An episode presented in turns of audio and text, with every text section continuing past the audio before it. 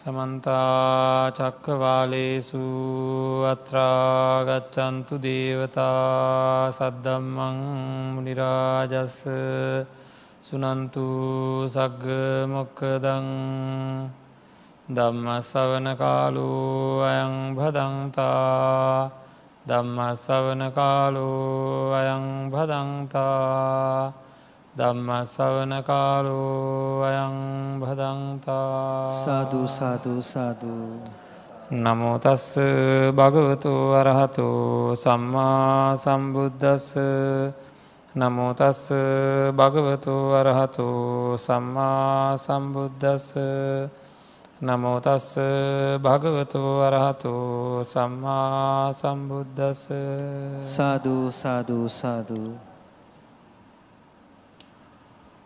පංචක්කන්දී අගමූලතු පස්සන්තෝ අනුලෝමිකං කන්තිං පටිලබති පංචන්නං කන්දානං නිරෝධෝ අනගමූලං නිබ්බානන්ති පස්සන්තෝ සම්මත්තනයාමං ඔක්කමතීති සාධූ සාධූ සාධූ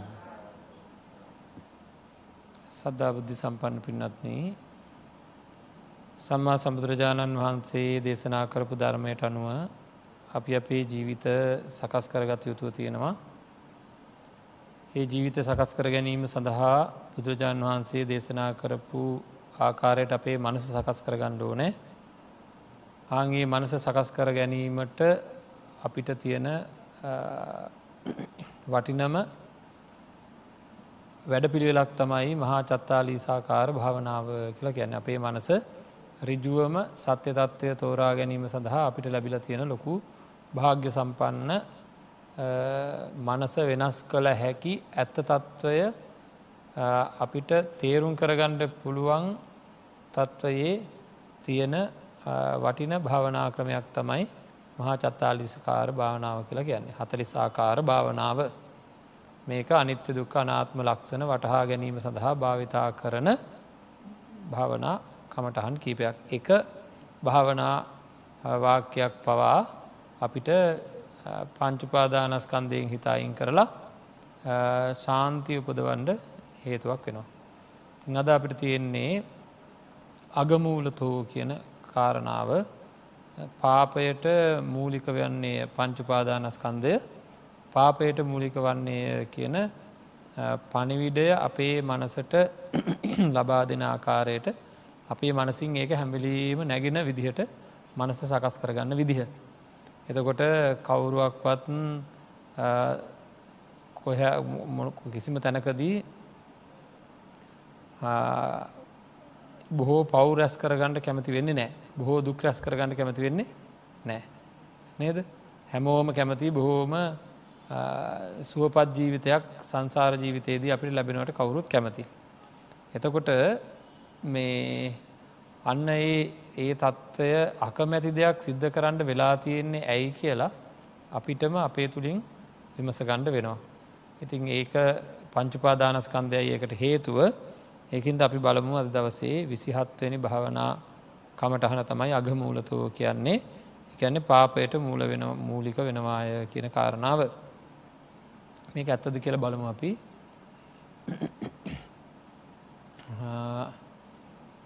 අම්මාය තාත්තාය සහෝදරයය ඥාතියාය දරුවාය ගෙදර යානවාහන ඉඳුම් හිටුම් ඇඳුම් පැළදුම් වතු පිටි මේ ඔක්කෝ මොනවද. මේ හැම දෙයක්ම තමයි මේ හැම දෙයක් හරහාම අපිට එකක්ේ වස්තුූන් එහෙම පැත්තකින් තියෙනවා එතොට ඒව වැටෙන්නේ රූප කොටසට.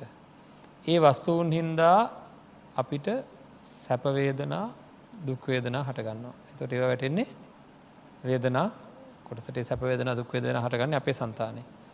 ඊළඟට ඒ වස්තුූන් පිළිබඳ අපිට හඳුනා ගැනීම තියෙනවා. ඒක අපේ මනසිකාරයේ සිද්ධ වෙන දෙයක්. ඒ හඳුනා ගැනීම කියන සිද්ධිය වැටෙන්නේ සංඥාවලට.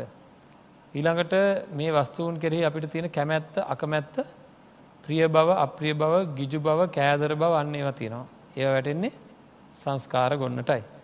ඊළඟට මේ වස්තුූන් අපිට ඇහැ කණනාසය දිවශරීරය මනසයෙන් දැනෙනවා පේනවා ඇහෙනවා විඳිනවා.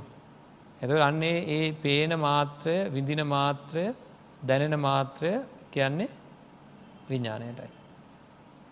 හරිද එතකොට වේදනාවයි විඤ්ඥානයයි වෙලාකට පැටලෙනවා අපිට විඤ්ඥානය කන ඇහේ පෙනීමේ දැනීම පෙනීමේ මාත්‍රයට විතරක් කියනවා චකු විඤ්ඥානය කියලා. ඒක හින්දා උපදනාව වූ සම්පස්සජ වේදනාවට කියනවා චක්කු සම්පස්සජ සැපහෝ දුක් වේදනාව කියලා. කොහම නමුත් කමක් නැහැ මම මෙහෙම ඇහුවොත්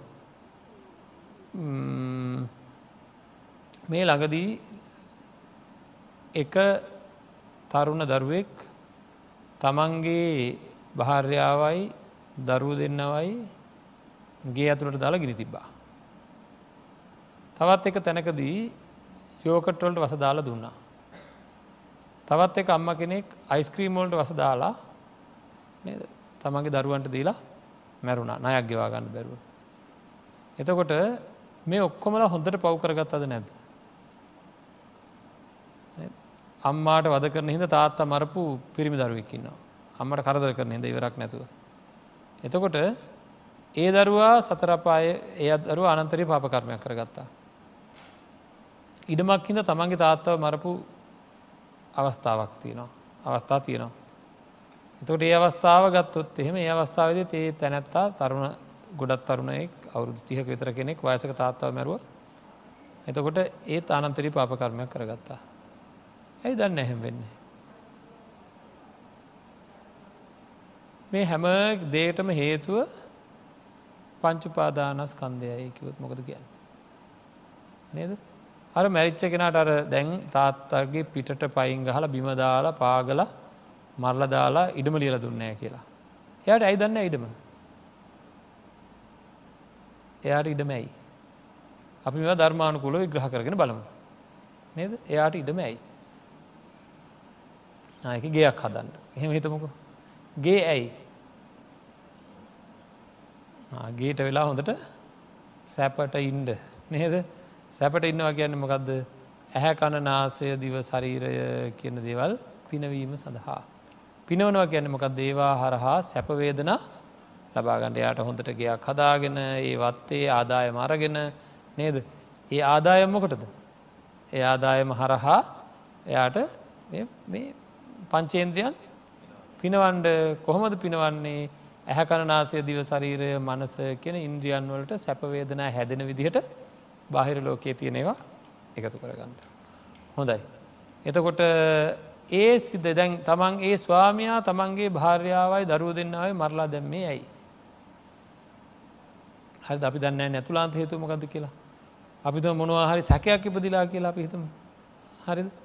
මේ මගේ දරුව නෙවේ කියල සැකයක් බුදුන දන්න මේ එහෙම කතාවක් එමන මේ දැම ගොතනව කතාව හරි ඒක අපිහිම එහෙම වෙන්ඩ පුළුවන් ඒව තියෙනවා නවන තර හොඳයි. එහෙම වුණානං එයාට මොකදේ වුණේ එයාට මේ තැනැත්තියව පේන්ට බෑදෑ.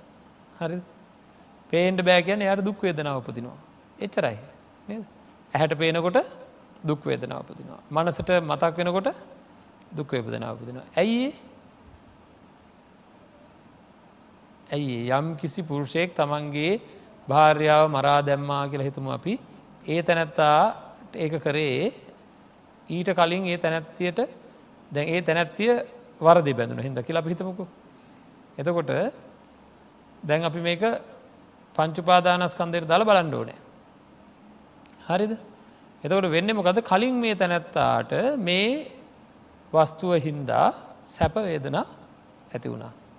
දැන්වුණේ මොකක්ද මේ වස්තුව කෙරෙහි තියෙන්න්න වූ මසුරුකම වෙන කෙනෙකුට නේද වෙන කෙනෙකුට අයිතිවෙනට කැමැත්ත නෑ කියන මසුරුකම. හද එතනද අපි මේ සම්මතය තියෙන විවාහා ඒ වගේ දෙව ලොකෝම් බැහරකන විවාහ වෙන්න ඇයි. අන්නර හිත සනසවා ගන්න. මොකද හිත සනසවා ගන්න. මා කැමති කෙනා නේද? මන් තව කෙනෙකුට කැමති තව කෙනා මට කැමති එහෙනම් අපිට ලොකු පීඩනයක් තියෙනවා වෙන කෙනෙකුට අයිතිවේ කියලා අපි ගිවිසුමක් ගහම හා දෙන්න. දෙන්නගේ නේද? දෙන්නගේම පහසුව සඳහා ගිවිසුමක් ඇති කරගන්නවා. අපි නද? වෙනත් පැත්තකට යන්නේ නෑ. වෙනත් පැත්තකට යන්නේ නෑ කළ දෙන්නම සතුටුයකට හරි. එතට ඔක්කොම් මොනවද? දුක්වේදනා උපදිනයක නවත්ත ගන්න. වෙනත් පැත්තරක දුක්වේදනා උපදිනවා. නේද? ආංගේක නවත්වා ගැනීම සඳහා කලින්ම ලෑස්ති කරගන්නවා. අනාගත දුක්වේදනා මට උපදින්නේ නෑ කියලා දැනකොට සැපවේදන උපදිනවා. නේද. එතකොට මේ පංචුපාදානස්කන්දයෙහි රැවටිලා අපි නොඒකුත් ඔය වගේ දේවල් සිද්ධ කරගන්නවා. හොඳයි. එතකොට අන්න ඒක අභිවා වෙන තැනක වැඩක් කෙරිච්ච හින්දා දකිින්ඩවත් අහන්ඩවත් කැමැත්තා නෑ අන්න ඒකින්ද පේන්ඩවත් බැරිහිද මොකද කරේ අධික දේශය හටගත්තාම මොකද වෙන්නේ මරාදාන්ට පවා සිතුවිලෙනවා. ඒ මරාදාපු ඇත්තන්ට සසර කොහොමත් දන්නේ. නේද. නිදහසේ අපිට මේ භයානක සංසාරය අතළඟ පෙනි පෙනී අපි මේ ඉන්නේ. මඟහනවා අපිත් ඔක්කොම ගණඩ බලන් බොරු එහෙම කියන්න නැද්ද. ඇයි බොරු කියන්නේ. සමහරලාට අපිට වෙන්න මෙම අදහසත් තියෙනවා. මම ඇත්ත කිව්වොත් අහවලාගේ හිතරි දෙනවා. එහෙම අවස්ථායනවා. නේද. ඇයි ඇයි අහවලා හිතර දෙන මං ඇත්ත කිව. මං කරලා තියෙන වැඩේ තරම් හොඳ හොඳ නෑ ඒක හිතරි දෙන්නේ. නේද. ඒ වෙලාවට ඇත්තත් නොකයා බොරුත් නොකයා පුළුවන්නන් මග හැර. ඊළඟ වතාවේදී ඒක නොකර හිඳීමයි වටින්නේ. හරි නොකර හිඳීමයි වටින්නේ. කියන්ඩ මුණොත් මොකද කරන්න ඕන. කියන්න ඕනෑ. හිතරි දුනත් කියන්න වෙනවා ඒ කීමෙන් තමන්ට මහාලාභයක් තියෙන. මම මේක උදාහරණයකින් කියන්න කාට හරි හරිද කවුරු හරි අපිට එන්ඩ කියල තියෙන උදේ අටට. මට ඇහැරුණේ හතට වෙලාවට තෙන්ට යන්නම් හයට නැගිටින්ඩ ඕන. දැන් අර තැනැත්තාට වැඩියෙන්ම හො දැම්ම පරක් වෙලා යන්නෙමේ. වැඩියෙන්ම හොඳ කොහොම කියන එකද. වාහන තද බදයකුත් නෑ ඒවනට කොහොම කියනෙද වඩා හොඳ කියලා අපි හිතෙන්නේ. මට ඇහැරුණේ නෑ කියලා කිවොත් එයා දන්නවා මට සැලකිල්ලක් නෑ යාට කියලා. නේද. මං හයේ දන් නැගිටගෙන මේ ඉන්නේ ඔක්කොම කරගෙන එලියට බැස්ථා හැබැයි පුදුම පුදුම වාහන තද බදයක් තියෙන්නේ කියලා කියන එක හොඳයිද නැද්ද. එහෙම හොඳයි කියලා අපිට හිතෙනවා. එහෙම කියපුහම වෙන්න මොකක්ද ඊළඟ දවසෙත් මම ඒ වැඩේම කරනවා. නමුත් මම ඇත්ත කිව්වනං මං ඊළඟ දවසේ ආයමට යාගේ හිතරිදන්නට බෑ ඊළඟ දවසේ දංවත් මං හරියට වැඩ කරනවා. හරි. ඒ විතරක් නෙවෙයි කෙනෙක්ව රවට්ටන්ඩේ වගේ බොරුවක් කියීමෙන් අපිට බොහෝ පාපයන් රැස්සෙනවා. ඇයි ඒ පාපයට ඒ පාපය රැස් කරගන්න අපි ඒ පාපයට තියෙන බයට වැඩිය අන්නර අරයගේ හිත නරක් වෙයි කියෙන බය තියෙනවා. එයාගේ හිතවත්කම රඳවා ගන්න ඕන. එයාගේ හිතවත්කම කියන්නේ මොකක්ද ඇයිමට යා හිතවත්කම? එයාගේ හිතවත්කම මට ලබා දෙන එකම දේ මොකක්ද සැපවේදනා හරි මට ලබා දෙන එකම දේ සැපවේදනා නේද? ඊළඟට එයාගේ හිතවත්කම හිද මගේ හිතේ ඇල්මක් උපදිනවා. ඒ ඇල්ම හින්ද එයාමට එයාමට ලබා දෙන දේවල් එයාමට ලාබ ලබා දෙනවා. හිතවත්නම් ලාබ ලබා දෙනවා. ඒතරන්නේ මගේ හිතේ එයා ගැන ඇල්මක් උපදින ඒ ඇල්ම හින්දත් මට ඇතිවෙන්න නොද සැපවේදනා නේද? තුර එයාමට නොයෙකු දුක්වේදන ඇතිවෙන වෙලාවල ඒක නවත්තල දාන්නට උදව් කරනවා. යාලුව කියන්න එහෙමන. නේද? තුට මෙන්න මේ සැපවේදනාවල් සංඥාවල් ඒවගේම එයා හින්දා උපදින සංස්කාරයන් නේද? එයා හින්දා උපදින එයා හඳුනා ගැනීමේ විඤ්ඥානයන් මේ හැම එකක්ම හින්ද මට යම්කිසි සුවපත් භාවයක් තාවකාලික සැපයක් ඇති වෙන හින්දා මං මේක නැතිවනට කැමති නෑ. නේද අහිතවත් කෙනෙක් නම් අර විදිහට කිවේ උදේට කියල නිකම කියලන මට හැරුණ න හරි වැඩෙන හරි අපි පුළොන්තරයික්මට එන්න. එහෙනම් පොඩි බොරුවක් හරි කියන්න සිද්ධ වෙන්නේ පංචුපාදානස් කන්දය හින්දමද නැද්ද. නේද. අපේ ජීවිතයේ පොඩි හරි පාපයක් වුණා නම් පාපයක් වුණේ පංචුපාදානස්කන්ද උපාදානය වෙලා තින ස්කන්ද හින්දමයි. කියන්නේ හොරාගේ අම්මාගෙන් නම් පේන හන්ඩ එපා. ඇයි හොරාගේ අම්මගෙන් පේන හන්ඩ එපා කියන්න. අම්මන කියන්න යා හොරාගල යාගෙන් පේනහල් වැඩන්න යා කොමත් හොරා කියලා කියන්න. නේද එතට අම්ම තමන්ගේ පුතා හොරා කියලා කියන්න ඇතුනට අල්ලප ගෙතර පුතාගන්න නේද කියන එනම් බැඳීම් මේ පංචුපාද උපාදානය වෙලා තියෙන ස්කන්දයන් අපිට බොහෝම පාපයන් සිද්ධ කරවනවා. වෙන හේතුවක් එම තියනොත් බලන් පොඩ්ඩ පවකරපු අවස්ථාරම් බලන්න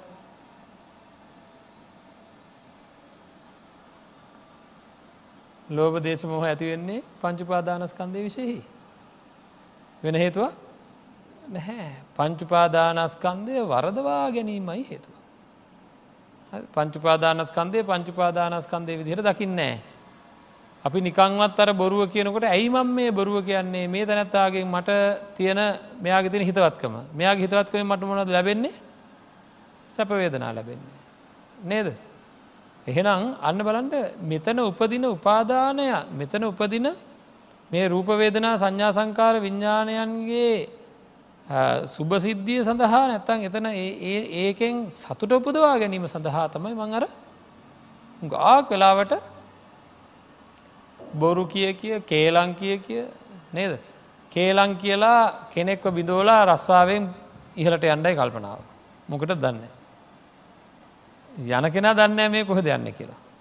වෙන්න මොකද කියලා දන්න. මොකක් දැත්තර වෙන්නේ. ඊරිසියාවෙන් පීඩාවල් ඇති වෙනවා. ඊරිසියාව ඇතිවෙනකොට අපේ සන්තානගත රත්වීම ඇති වෙනවා. ඔවුද නැද්ද. ඒ රත්වීම දරාගණ්ඩ ලේසි දමාරුද. ඊරිසියාව ඇතිවෙන්නේ ඇයි.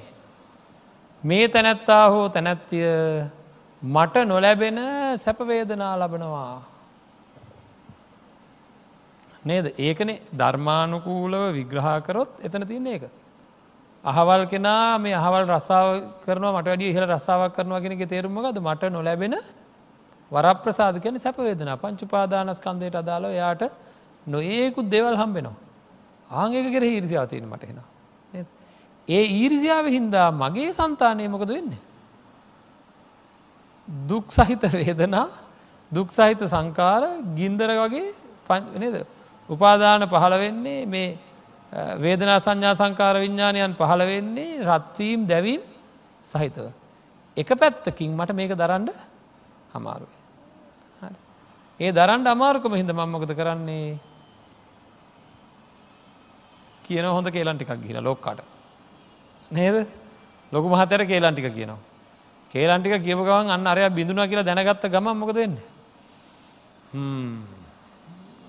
සනීපයි. නේද දැන් සනීපයක් ඇති වෙනවා. සැපක් ඇති වෙනවා. හරි අන්න එනම් කේලං කියන්නේ පංචුපාදානස්කන්ද හිදද නැද්ද. නේද. එතකොට පරුසු වචන ඒත් එහෙමයි මට නොගැලපෙන දේවල් වටේ පිටේ සිද්ධ වෙනවා. සිද්ධ වෙනකොට ඒවා නැවැත්වීම සඳහා හෝ අන්න අයට රිදවීම දැන්ගොන් සමහරයමහෙම කියනවා. මට මේ වචන ටික කියනකං ඉවසිල්ලක් නෑ කියලා. එන ඉවසිල්ල නැති මොකද? කිනි ගොඩක් උඩ ඉන්නකොට ඉවසිල්ලන්න රත් වෙනවා දැවෙනවා. නේද? එනම් මේ වේදනා සන්තතිය ගිනි සහිතව උපදිනවා. ගිනි සහිතව මේ වේදනා සන්තතිය උපදින හින්දා ඒක නවත්ත ගණ්ඩ මම දන්න එකම ක්‍රමය තමයි බැල්ලදාන එක. මං අදය තැනක් අල්ලලා මොකද කරන්න? හෝන්දට බයිනවා. බැල්ල බැල්ල ඇවිලකිනවා දැන්තමයි මට සනීප බැන්න ගමන් හරි දැන් සනීපයි බැන්නගේ එකය බයින්නේ බලන්නක මේකට මේකට අහුවෙන අහුවෙන දෙන්න දෙන්න බැනගන්න වෙලාවල් පොඩක් හිතල බලන්න මොකද වෙන්න බලන්න එහ පැත්තෙන් මට බයිනවා. බයිනකොට ඒ බැනීම ඇසීම හේතුවෙන් මගේ හිතේ දරුණු දරාගණ්ඩ බැරි දුක්වේදනා හටගන්න. නේද. ඒ දුක්වේදනාවෙන් මන්ට නිදහස්වෙන්ඩ බෑ. ඒක හරි අමාරු දත්කයක්මට වැඩි අමාරුයි. කංකයක්කමට වැඩි අමාරුයි. නේද. ඒකෙන් නිදහස්වෙන්ට මට තියෙන එකම ක්‍රමතම මං අනි පැතර බයින එක. නේද? අර වචන ඉවරෙන්ඩත් ඉස්සල මමොකද කරන්න? එහෙම කොහොමද මේ කියලා මෙතනින් හිට වැඩිය හොඳ එක කරයට රිදෙන්ටම දෙනවා. බොරු වෙලාවකට. දනි පැතට රිදෙන්ට කියනවා. රිදෙන්ට කියනකට මෙහා පැත්තේ තයමකද වෙන්නේ? මහා දුක් සහිත මනෝ සම්පස්සජ දුක් සහිත වේදන ඇති වෙනවා. තරහ ඇති වෙනවා. එයාට ඒකෙන් රිලිස් වෙන්ඩ ඕනෑ. එකින් අයින් වෙන්ඩ ඕන. එයට එහෙම ඉන්ඩ බෑග දරාගෙන. එයා මොකද කරන්න එතකොට? ඊට අඩි ලොකු ප්‍රහාරයක් මෙහාට එල්ල කළ? හරි. එතොට ඒ පැත්ත සැනසෙනවා. හරිද? ඒ පැත් සැනසට මොකද මේ පැත්තට අයසර හරියට මට දැල් පැඳු ක්‍රීඩාවගේ දැල් පන්දු ක්‍රීඩාවගේ ඇයි? එහෙම මෙහාට පාස් කරනවා මෙහ? එහට පාස් කරනවා. හරිද? මේ අපිට දැනුනද මේ විදිහට? මේකයි මෙතර වෙන්න කියලා ඊළඟට දැම්මකද වෙන්නේ? දැන් මෙයාට බෑ මේ වචනයෙන් පාස් කරලා මදි. දැම්මකද කරන්න? දැන් දැම්මකද කරන්නේ? මේ හරහා ඉස්සල කරන්නේ වචනෙන් අර පැත්තන රිදිල්ල පාස් කරේ. දැම්මකද කරන්න හදන්නේ? මෙහෙ තියෙන මේ දරුණු රිදීම අරහෙට යවාගන්න ක්‍රමේ තමයි අතෙන් හරි පෝල්ලකින් හරි මක දේනවා දෙකක් දීපවා දැන් හරි. ඉන්න හම කළ ඒ තම මේ දරාගණ්ඩ බැරිකම. දරාගණ්ඩ බැරිකම කියන්නේ අධිකතර වේදනා නේද? මේ පැත්ත එක පාරක් ගහනට එහ පැත්තේ ඒවට වැඩි වෙලාවක් යන්නේ අන්තිමට බෙල්ල කැඩාගන්නවා අත් කඩාගන්නවා කපාගන්නවා කොටාගන්නවා මරාගන්නවා නේද? ඉතින් ඉට පස්සේ බලන්ඩ එක්කෙනෙක් මරාගත්තනගේ පරපුරේම කට්ටිය මොකද කරන්න? ඒ කට්ටිය මැරණකම් විදුවනවා අපි අපේ තාත්තවහරි අම්මවාරි අපේ ඥාතියෙක් හරි කවුහරි කෙනෙක් මැරුව කියලා අසාධාරණ විදියට මැරිච්චෙක්කෙන මලා පවකරගත්ත කෙන පව් කරා. අපිට මොකද වෙන්න? දකිනවාරයක් ගානේ අහනවාරයක් ගානේ විදිනවාරයක් ගැන ඇයි අපේ තාතට අපේ බැඳීමත් තිබ හිද නේද? ඥාතියට බැඳීමත් තිබ හින්දා. එන ඒ ඒ පංචුපාදානස්කන්දයක්කේ ඒක ඒ ඒ මේ පංචස්කන්දය ඒ මැරිලගිය එක හින්දා මෙතන අධිකතර අර අරකට්ටිය වෙනුවෙන් අපිත් කෑගහනවා බයිනවා නේද? පාපයන් රැස් කරගන්නවා. ඉති මේ බොහෝ පාපයන්ගේ මූලය පංචුපාදානස්කන්දයයි. මොකද කියන්න. මේක ගාගත්තොත් වැඩේ හමාරයි. මේ විදියට අපිට තදට දැනුනොත් මේක මොකද කියන්න තේරුම් ගණ්ඩ මේ විදියට අපිට ඔය විදියට හරියට අපි මෙනෙහි කරොත් නද දැම් පාරයනකොට හරකෙක් දකිනවා. හරකෙක් දකින බල්ලෙක් දකිනවා කුකුලෙක් දකිනවා. දැක්කම අපිට එක පාට මතක් වුණොත් එතන තින්නේ පංචස්කන්දයක පහළවීම මේ පහළවීමට හේතුවනේ එය මනුස්සෙක් වෙලා හිටිය වෙලාවක ධර්මය අවබෝධ කරගන්නේ නැතුව බොහෝ පාපයන් රැස් කරපු හින්දා. ඒ සිද්ධ කරපු පාපයන් එයාට රැස්සුනේ පංචුපාදානස්කන්දය නිසයි. යාගේ තුළ ගොඩ හැච්චු පාදානස්කන්දයන් නිසයි. එතකොට ඒවා හින්ද යාට උන් හිටිතැන් අමතක වුණා ඒහින්ද තමයි අදයා අන්නර කකුල් හතරකින් නද කුර උඩ බඩපොත්ත පිටකොන්දට වේලුනත් බඩගිනී කියලා කියාගණ්ඩ විදිහක් නෑ. අනේ මට කණ්ඩ ටිකක් දෙන්න කියලා කියාගණ්ඩ විදිහක් නෑ. නේද. ඉපදිලා ගෙවන බල්ලෙ කරගණ්ඩ ඉපදිලා ගෙවන මුළු ජීවිත කාලෙම කොටු වෙලාවාගේ එක තැනකට තනියම කොටු වෙලාවාගේ. ඇයි අපි කැමැත්තෙන් අපිට මතක් වෙලා මොනහරි දුන්නොත් විතරයි. ඊළඟට හුඟක් වෙන්නේ අසරන වුණහම නද පාරවල්ලොලට වැටුණ හම පායන කාලවල් වල කාර් කවුරුවත් දන්න මෙයාලට සිද්ධ වෙනදේ. හිතන්ට පාරවල් වල කානුවල පවා තියෙන වතුර හිදෙන කාලයක් තියෙනවා. නේද. මිනිස්සු හරි අමාරුවෙන් කලාරංගිහිල්ලා බැරල් අරංගිහිල්ලා වතුර ගෙනල්ලා පාවිච්චි කරන කාලයක් තියෙනවා. ඒ කාලෙට මෙයාට මොකද වෙන්නේ. පාරඉන්න සතාට මොකද වෙන්නේ. කොච් කොච්චර පිපාසාවෙන් ඉන්න ඇත අනේ මට දරාගණ්ඩ බැරි තරම් පිපාසයි කියලා කොහොමාත්ම කියන්න පුළන් එතකොට තනියමම විදෝගණ්ඩ වෙන ජීවිතේවා එන්න බර නේද? අර කරත්තේ බැඳලා පිටිපස්සෙන් පාරවල් දෙකතුන දිදී වලිගේ කරකෝ කරක වලිග නමනවන අල්ලල. නේද? අත් කකුල් රිදෙනවා. වැටෙන්ට තරම් අමාරුයි කලන්තදාන් තරම් අමාරුයි සෙමදානවා නේද? පොඩ්ඩක් ඉඳලයම් මට අමාරුයි දැන් කියලා කියාගන්න පුළන්කම තිනවා ඉට පස අල්ල ලනුවෙන් අල්ලා ඇත කරත්තේ උඩින් බඳිනවා. යනකොට යන්නේ හරියට මේ එ වාහන එක හැන් බ්‍රේක් ඇදල ගියාවගේ මේ බෙල්ල උඩ හිතින්ට අල්ල බැඳල යන්නේ. ඔය වෙලා මට පොඩ්ඩක් නේද? මට පොඩක් බෙල්ල පාත් කරගන්න මගේ මේ කොන්දරි දෙන මෙහම ඉන්නකොට කියලා කියාගන්න පුළුවන්කම තිනවා මේ මනුසේ ම අවුදු ගාන කරත් බැඳල මේ මස්කඩයට දක්වනු මේ වගේ අසාධාන වෙන්ට දෙන්න එපෝ කියලා කියන්න පුළුවන්කම තියෙනවා.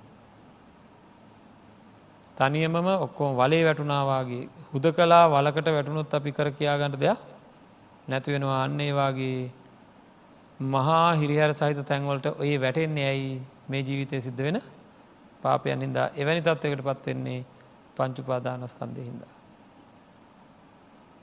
නේද. එතකොට මෙවැනි අනතුරු සිද්ධ කරන පංචුපාදානස්කන්දය ප්‍රාණගාත අදත්තාදා නිලාට කාමිත්‍යාචාරගණ්ඩ නේද. මේ රූපයෙහි ආදීනව දැක්කෙ නැති මේ උපාදානය කරගත්ත හින්දා රූපයන් ඒවා දැක්කහම මගේ සන්තානගතව නේද මහා විශාල ආශ්‍රවයන් උපදිනවා. නැතුව ඉන්ඩ බැරිකං ඇති වෙනවා නැතුව ඉන්ඩ බැරිකං ඇති වෙනවා.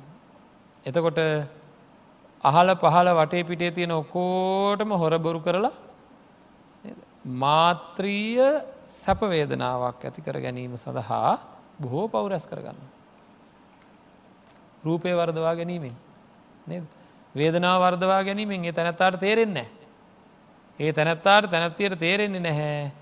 මේ සැපවේදනා මාත්‍රයක් ඒ මාත්‍රය ඒ සැපවේදනාවෙන් පසුව ලැබෙන්නේ මහා දුක්. දුක්කන්දක් මානසික කායික දුක්ගොඩක් විඳින්ට වෙනවාය. මේක ඉවරක් නැතය.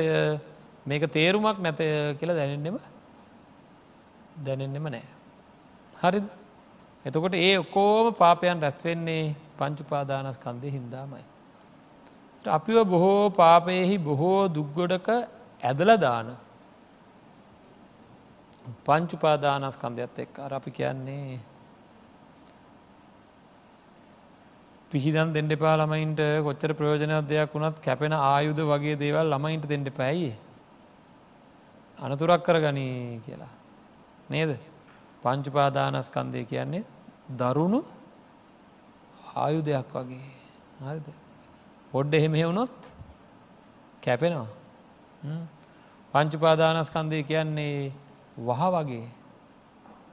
භාවිතයට ගත්තොත් විඳවන්ඩ වෙනවා. නේද? එතකොට මේක මේක අගමූලතෝ කියන්නේ එකයි පාපයට මුල් වෙන දෙයක්. පංචුපාදානස්කන්දයත් එක්ක කටයුතු කරන්න ගිහිල්ලා යම් යම් ආකාරයකට උපාදාන වෙනකොට අපි අතින් බොහෝ පාපයන් රැස්සෙනවා හැබැයි උපාදානය වෙන්ඩිස්සල් හෙමනෑ හරි මේ බලන්ඩ පුරුෂයෙක් ඉන්නවා. යම් ස්ත්‍රියක් හින්දා ස්ත්‍රියක් කරෙහි බැඳෙනවා. බැඳුනට පස්සේ ඒ ස්ත්‍රිය හින්දා ගුඩ් බොහෝ වැරදි කරන්න ලෑස්තිද නැද. හැබැයි ඒ බන්ධනයට ඉස්සෙල්ල හෙම එහෙම නෑ. නේද බොරු කියන්නෙත් නෑ. ඉතිං අන්නර වගේ බන්ධනයන් ඒ බැඳීම් කියනේවා බොහෝ පාපයන් රැස්සෙන්ට මූලික වෙනවා. මේක අපිට හොඳීන් දැනුත් හොඳීන් දැන්නුත් සසර ජීවිතයේ බොහෝ දුග්ගතිවල උපත්තිය ලබලා අනන්ත අප්‍රමාණ දුක්විඳින්ට හේතුවෙන කාරණාවක් තමයි මේ පංචුපාදානස්කන්ද කියලා. මේකාර බිලිකොක්කේ ඇමිනිච්ච මාළුවවාගේ පොඩි ආස්වාදයක් තියෙනවා. බිරිකොක්කේ පණු කෑල්ල දැක්කහම මාළුවට මොකද වෙන්නේ? බොහෝ ආස්වාදයක් කියලා හිතන්න. එතකොට ඒ සුළු ආස්වාදය දැකලා ඒකෙන් උද්දාමයට පත්වෙච්ච කෙනට මේක බිලිකොක්කක් කියලා මතක් වෙන්න ගිහිල්ලා පණු කෑල්ල යන්තන් ගෑවන හැබැනිද කොක් ඇමිනට මොහොතකට ඉස්සෙල්ල. ගෑවෙනවත් එක්ක මොකද වෙන්නේ. කොක්කේ ඇමිනෙනවා දැන් ඉතින් කාට ඕන හැටිද වැඩ කොක්කට ඕන හැටියටයි වැඩ නේද. දැන් යට හරියට රිදෙන්ට පටන් ගන්න. හා කියන්න බලන්න. සද්ධ නැතු හිටිය කෙනට යම් බැඳීමක් කොතනින් හටගත්ත ගමන් යම් බැඳීම රිදීම් පටන්ගන්නවද නැද. එ බැඳීමක් පටන්ගත්ත ගමන් යම් තැනක බන්ධනයක් හටගත්තාද බැඳීමක් හටගත්තාද ඒ බැඳීම හටගත්ත වෙලාවෙදං දැන් කොහෙද දන්න දැම් මොනුව වෙනවත් දන්න මොනුව කරනවත් දන්න කියලා අර මාත්‍රීය ආස්වාදයක් බැඳීමත් එක්ක නැතුවා නෙවෙයි. හැබැයි එක්කම හටගන්නේ විඳීම්ද නැද්ද. නේද ආරියට බිලිකුක් ඇමෙනුණ වගේද නැද්ද රිදෙන්ට පටන් ගන්නවා ඊට පස්සේ දැන් බැඳීම ඇති කරගත්ත කියන දැන් ගැලවෙන්ඩ ඕනෑ ගැලවෙන්ඩ ඕන වනාට ගැලවෙන්ඩ පුළුවන්කම ඇත්ති නෑ හැම දෙයක් එහෙමයි. එතකොට අන්න බලන්ඩ අපේ පින්නන්න අපි බොහෝම පරිසංවෙන්ඩ ඕනෑ කියන අන්නේ එකයි. මේක දැනගත් ඇත්තෝ මොකද කරන්නේ පංචුපාදානස්කන්දය පාපයේ මූලයක් කියලා පංචුපාදානස්කන්දෙහි බය උපදවා ගන්නවා හිතේ. කලකිරීම් උපදිනවා ඔයටික මෙනෙහි කරනකොට මෙහි කරනකොට මෙහි කරනකොට කලකිරීම උපදිනවා. බය උපදිනවා අන්න එතකොට මොකද වෙන්නේ තැනත්තාට පංචුපාදානස්කන්දයෙහි හිත ඇලෙන්නේ නැතුව යනවා. හරිද? අර කොහොල් ඇගුලියක් කලෝ ගත්තොත් ඊට පස්සේ අතේ ඇලුන කියන්න කොහොල් ඇගුලිය දැම් මේක ගලවන්ට මේ ඇගිල්ලෙන් මොනවා කරත් එන්ඩෙන්ඩ තවත් ඇවරෙනවා. නොඇල වෙන මොනොහරි ජාතියක් පාවිච්චි කරන්න ඕන මේකින් ගැලවෙන්ටන. බුම් තෙල් හරි පොල් තෙල් හරි මොනහරි ගාල නේද. අන්නේ වගේ තමයි පංචුපාදානස්කන්දේ ඇලී තියෙන මේ ජීවිතය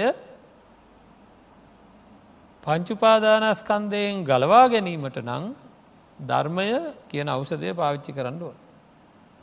හරි මේ විදියට හරියට පාපයේ මූලයෝය කියලා අගමූලතෝ කියලා ඔය අපි කියපු විදියට මෙනෙහි කිරීම් කරනකොට හරි මොන පැත්තකින් හරි බැඳීමක් ඇතිකර ගැනීම පාපයන් වලට මුල්වෙනවා කියලා මෙනෙහි කරන කෙනාට පිනත්න පංචුපාදානස්කන්දය කෙරෙහි අන් අය සතුටු වෙද්දී මෙයාට ඇතිවෙන්නේ කලකිරීම. අන්න අය සතුටු වෙද්දී මෙයාට ඇතිවෙන්නේ කලකිරීම. අන් අය ඇලෙද්දී මෙයා ඇලෙන්නෑ නොවැලෙනවා. අන්න අය ග්‍රහණය කර ගනිද්දී මෙයා අතහරිනවා. හරිද. එතකොට අන්නේ අතහැරීම කියලා කියන්නේ තමන්ගේ සන්තානයට ළඟම ඉන්න අය පවා පාපයට හේතුවෙන දේවල් බව පෙවුණහම හොඳ වැඩේ දාලා දුවන එකද. එතකට කරන්න තියන්නේ ගෙවල් දොරවල් අතහල දාලා යන එක එහෙමද. නෑ ඒ ගියා කියන්නක කැලේකට එතනත් තියෙනවද නැද්ද. එතනත් තියෙනවා ඉඩංක එතනත් තියෙනවා ඉඩන් තියෙනවා සේනාසන තියෙනවා පළතුරු තියෙනවා සත්තු ඉන්නවා එතකොට සිදුවිය යුතු දේ නමුත් කැලේ යනවනං පැවිදි වෙනවනං මේකින් ගැලවෙන්න බොහොම ලේසි. නමුත් සිදුවිය යුතු දේ කොතන ගියත් මොනව කරත් සිදුවිය යුතු දේ නම් වෙන මොකක්වත් නෙවේ පින්නත්න මනසෙන් ඔන්න විදිර තේරුම් අරගෙන ජීවත්වීමයි. අපේ මනසිකාරය අපිට පනිවිඩය දෙන්ඩෝ නෑ ඕක මහා භයානක දෙයක් කියලා. ඕක පාපයට හේතුවෙන දෙයක් කියලා. බොහෝ දුක් උපදින දෙයක්. ගින්දර වගේ එකක් වහ වගේ එකක්. හරිද? අපේ මනසිකාරය පංචුපාදානස්කන්දය ගැන ඔය විදියට රූපවේදනා සංඥා සංකාර විඤ්ඥාන පිළිබඳව ඒවා පාපයන්ට බොහෝ මුල් වෙනවාය කියලා මෙනෙහි කරනකොට පින්නත්ති ඒ මෙනෙහි කිරීම එක්ක මොකද වෙන්නේ? ඒ මෙනෙහි කිරීම් එක්ක අපේ හිත මේ පනිවිඩේ ලබාගන්නවා ටික ටික ටික ටික ටික ටික. හරි මේ පනිවිඩේ ටික ටික ලබාගන්නවා කියන්නේ ඊට පස්සේ අපිට මේක ඇත්ත තත්වය දැන් තේරෙනකොට අපේ හිත ඇදෙන්ඩ යනකොට ඒකත් එක බය උපදිනවා. මේක අලෝ ගත්තොත් මට පව් කරන්න වෙනවාමයි. මේක අලෝගත්තොත් මට මගේ අතින් පාප සිද්ධ වෙන එක නවත්තන්ඩ බෑ ඒකද මේකත් එක්ක නොඇලී ඉන්ඩෝනෑ නොඇලී ඉන්ඩෝනෑ කියලා. දැනට ඇලෙන ස්වභාවේ නැතිවෙන්ඩ නම් කය පිළිබඳ වේදනා පිළිබඳ සිත් පිළිබඳ හිතය උපදින ධර්මයන් පිළිබඳව නියම අවබෝධය ඇතිවෙන්ඩ ඕනෑ. අන්නේ තැනැත්ත මොකද කරන දැනටත් මම මේවාගේ කෙලෝක ඕක තේර පාප මුලයෝ කියලා දැනගත්තහම් මේකෙන් අතමුදවා ගැනීම සඳහා සතිපට්ටහනේ වඩන්ඩෝ නෑය කියලා. නද? කායන පස්සන වේදනට පස්සන චිත්තාන පස්සන දම්මාන පස්සනාගෙන සතිපට්ටහන වඩනවා. ඇති මේක මේ මෙන්න මේක දැනගණ්ඩෝ එතකොට තමයි මේ කාරණාව සිද්ධ වෙන්නේ. බොහෝ භයානක දෙයක් අතට ගන්න නෑ අපි. නේද. කොච්චර ලස්සට තිබුණත් භයනක දෙයක් න අපි හිතමක බෝම්බයක් කියලා ලස්සට තියෙනවා. නෑ නෑ. ඒ අල්ලන්නවත් නෑ. එ පුපුරණ දේවල් ගන්න නෑ. ඒ වගේ අනතුරු සහිත දේවල් වලින් අපේ හිත අනතුරු සහිත බව හැම්ම වෙලේම පණවිඩයක් විදිර දෙන්නඩෝනේ අන්න එහෙම පණවිඩයක් විදිට දෙනකොට පින්නත්න මොකද වෙන්න කියන්ට මම මේ ධර්මදේශනාටික ඔක්කගේ මතක් කරන්නේ. දැනට භාවනාවට ඉඳ ගත්ත කියන්නක. හිත සංසුන්ද නොසන්සුන්ද? අපි භාවනා කරන්න ඉඳගන්නවා කෙනෙක්. වැඩිපුර දෙනෙකුගේ හිත බොහෝ අරමුණු කෙරෙහි දුවනවා. කොහෙදේ දුවන්නේ? අන්න ආය මතක් කරන මං. කොහෙද මේ දුවන්නේ? කොහෙද මේ දුවන්නේ? පරණ සැපවේදනා ලබපු තැන් දිහා. නේද? පරණ සැපවේදනා ලබපු තැන් දිහා දුවලා දැ ඒ වගේම පරණ දුක්වේදනා ලබපු තැන් දිහා. ආං ඒව තම හොයාගෙන යන්න මේ හිත. පරණ සැපවේදනා විඳපු අවස්ථා මෙනෙහිකරී මෙදිත් මොකද වෙන්නේ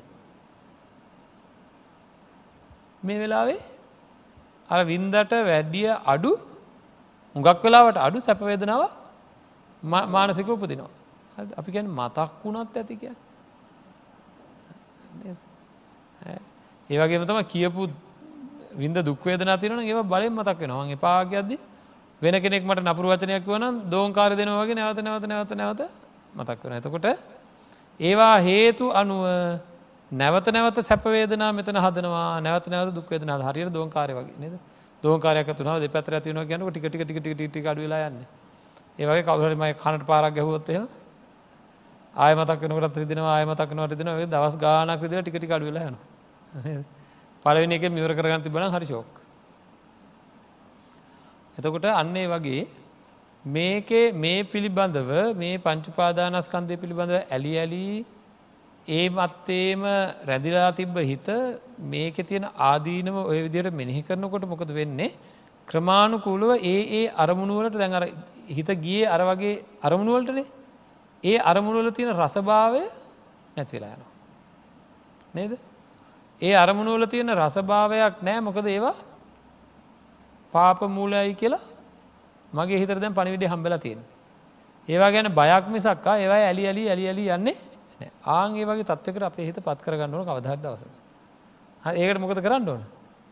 පංචුපාදානස්කන්දය පාපමුලකය ඔය කියලා මෙනෙහි කිරීම මෙනෙහි කිරීම කරන්න ඕන. හරිද ඒක නිකම් මෙනිකර පංචුපාදානස්කන්දය පාපමුලිකයි අග මුලිකෝ අග මුලිකෝ අග මුලිකෝ අග මුලිකෝකිවට හරියන්නේ නෑ කොහොමද කරන්න ඕනෑ ඒකෙන් දැන් අපි කතා කරා බොහෝ දෙවල් අන්නේ වගේ මේක අලවා ගැනීමෙන් මට මේ ජීවිතය හෝ සසර ජීවිතය හෝ විශාල විනාසකාරි තත්ත්වයන්ගොලට පත්තෙන්ට ඉඩකඩ තියෙනවා කියලා මෙහි කර මෙහි කර මෙහි කර කර අර කිව වගේ මේ එක එක්කෙන එක එක්කෙනගේ ඒවා අරගෙන ඒ කෙනා මේ බොහෝ දුක්විඳ විඳ දඟලන්නේ ඒ හැම දෙයක්ම කරන්නේ පංචුපාදානස්කන්දය හිදයි මගේ අතිනුත් පොඩිපොඩි පාපයක් හරිවුණානං සිද්ධ වෙලා තියෙන්නේ. අනාගතයේ බොහෝ ලොකු පාපයන් සිද්ධවෙන්ට හේතුවෙන්නෙත් පංචුපාදානස්කන්දයමයි කියලා පංචුපාදානස්කන්දය පාප මුලයක් ඒක පාපයට හේතුවෙන දෙයක් විදිහට හොඳට මෙහි කරන මෙහි කරපුවා මෙහි කරපුම හිත හිතට මේ පංචුපාදානස්කන්දේ දැන් කලින් සතුට ඇති වෙච්ච තැන්වල දැන් ඇති වෙන්නේ කලකිරීමක් කියල මංස්සල කිව හොඳයි. කලකිරෙන තැන්වල හිත ලගිනවාද? යමක් කෙර අපට කලකිරුණා නම් එතන මෙතනම හොයාගෙන යනවද? හොඳරම දන්නවන් ටික දසකින්ම අමත වෙලා නේ කලකිරිච්ච දේ පේෙන් නැතන් අයු අර දැන් අප හිතන්නකෝ අපි යනවා පිට රටකට. හරිද? දිගින්දිකට දිගින්දිකට දිගින්දිකට මතක් වෙන්නේ මගෙත් එක්ක හිටිය හොඳ අයද නැත්තං නරකයද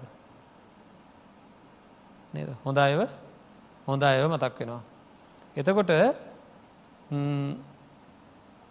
අර බලන්ඩ යම එතකොට නරකාය ගැන අපට කලකිල්ල තිබේ තර මෙහෙදිතින් ඔය දකිනකොට හම්බෙන හිද පීඩාව තිබා ඒට කියල දකින්න හම්බෙන්න එකට නිකම ඉක්මට අමත කියලා දුරකත නැමතුමක්වත් දෙන්න අමත කළ නේද? ඒ වගේ මේ පංචුපාදානස්කන්දය හොඳයි කියලත් අපිට දැන හිද තමයි මේකින් ගැලවෙන්ඩ බැරි. නමුත් අප මේ විදියට දැන් අපි කියපු විදිට මෙනෙහි කරපු හාම අපිට එන්න මොකද පංචුපාදානස්කන්දය නරකයි කියලා. ඒක පාප මූලික වෙනවා කියලා. නරකයි කියලා දැනුනහම් මොකද වෙන්නේ? අපේ හිත අපි තනිවෙච්ච වෙලාවට අපි අපි වෙනම ඉන්න වෙලාවක කොයි වෙලාවකවත් අර නරකයි කියෙන් තැන්වලට යන්නේ යන්නේ නෑ. හරිද ඒනම් හැපි හැපි හැපි හැපි හිත යන්නේ නැත්තං අපිට අරමුණු ගතවෙන්ට පහසු වෙනවද නැද්ද. හරිද අනිත් එක දැනට පින්නත්න අපි මේ ජීවිතය ගෙවනකොට ඉන්න හැම්වෙලේම නොසන්සුන්කමේ. ශාන්තව ඉන්ඩ බෑමට. ඇයි ශාන්තව ඉන්ඩ බැරි රූප ශබ්ද ගන්ධ රස ස්පර්ශ ධම්ම කියලා කියන මේ බාහිර ලෝකයේ තියෙන දේවල් මගේ හිත හැම වෙලේම ඉල්ලනවා. හැම වෙලේමිල බලපුරූපාය බලන්ඩ අහපු සබ්දාය අහන්ඩ විඳපු ගන්ධාය විඳින්ට කියලා මෙයා මේ මග තොට යනකං එනකං ඔක්කොම ඉන්නේ ගවේශණය කර කරන්නේ. හැමලේම ගවේශණ සීලිව ඉන්නේ කැමති රූප දකිින්ට කැමති සද්ධහන්ඩ කැමති ගන්ධ කැමති රස කැමති පහස කියනේවා ඔක්කොම හොය හොය ඉන්නේ. හරිට ගොදුරු හොයන සතෙක් වගේ. ගොදුර කම්මුණ ගම ඩැහගන්නවා වගේ කැමති දෙයක් දැකගම බලාගත්තත බලාවාගන්න. අන්න ඒක හින්දා හිත හරීම නොසන්සුන් ස්වභාවකයි තියෙන සාමාන්‍ය ජීවිතයේදී. හැබැයි මේවා නීරසයි කියල දැනගත්හම මේවා වැඩක් නෑ කියලා දැනගත්හම මේවා පාපමුලිකය ඔය කියලා දැනගත්හම අන්න අරදියට හිත හැමතන විසිරෙන්නේ නෑ. එතකොට අපේ ජීවිතය ශාන්ත බවට පත්වෙන. හරිද ක්‍රමාණකූල ටික ටික ටික ටික ටික ටික ශාන්ත කෙනෙක් බට තරහයනය අඩු වෙනවා ඉරිසියාව අඩු වෙනවා ක්‍රෝධය අඩු වෙනවා වෛරය අඩු වෙනවා නොයෙකුත් අකුසලයන්ගෙන් ටික අකුසලයන් ටික ටික හැකිලිලා ශාන්ත භාවයට පත්වෙනවා. ඒ වගේ කෙනෙක් භාවනාවගෙද ගත්තොත් එයාටත් ඒ නද බොහෝම ශාන්තව ඉන්ඩ පුළුවන් හිත විසිරෙන්නේ නෑ හිත විසිරෙන්නේ නෑ.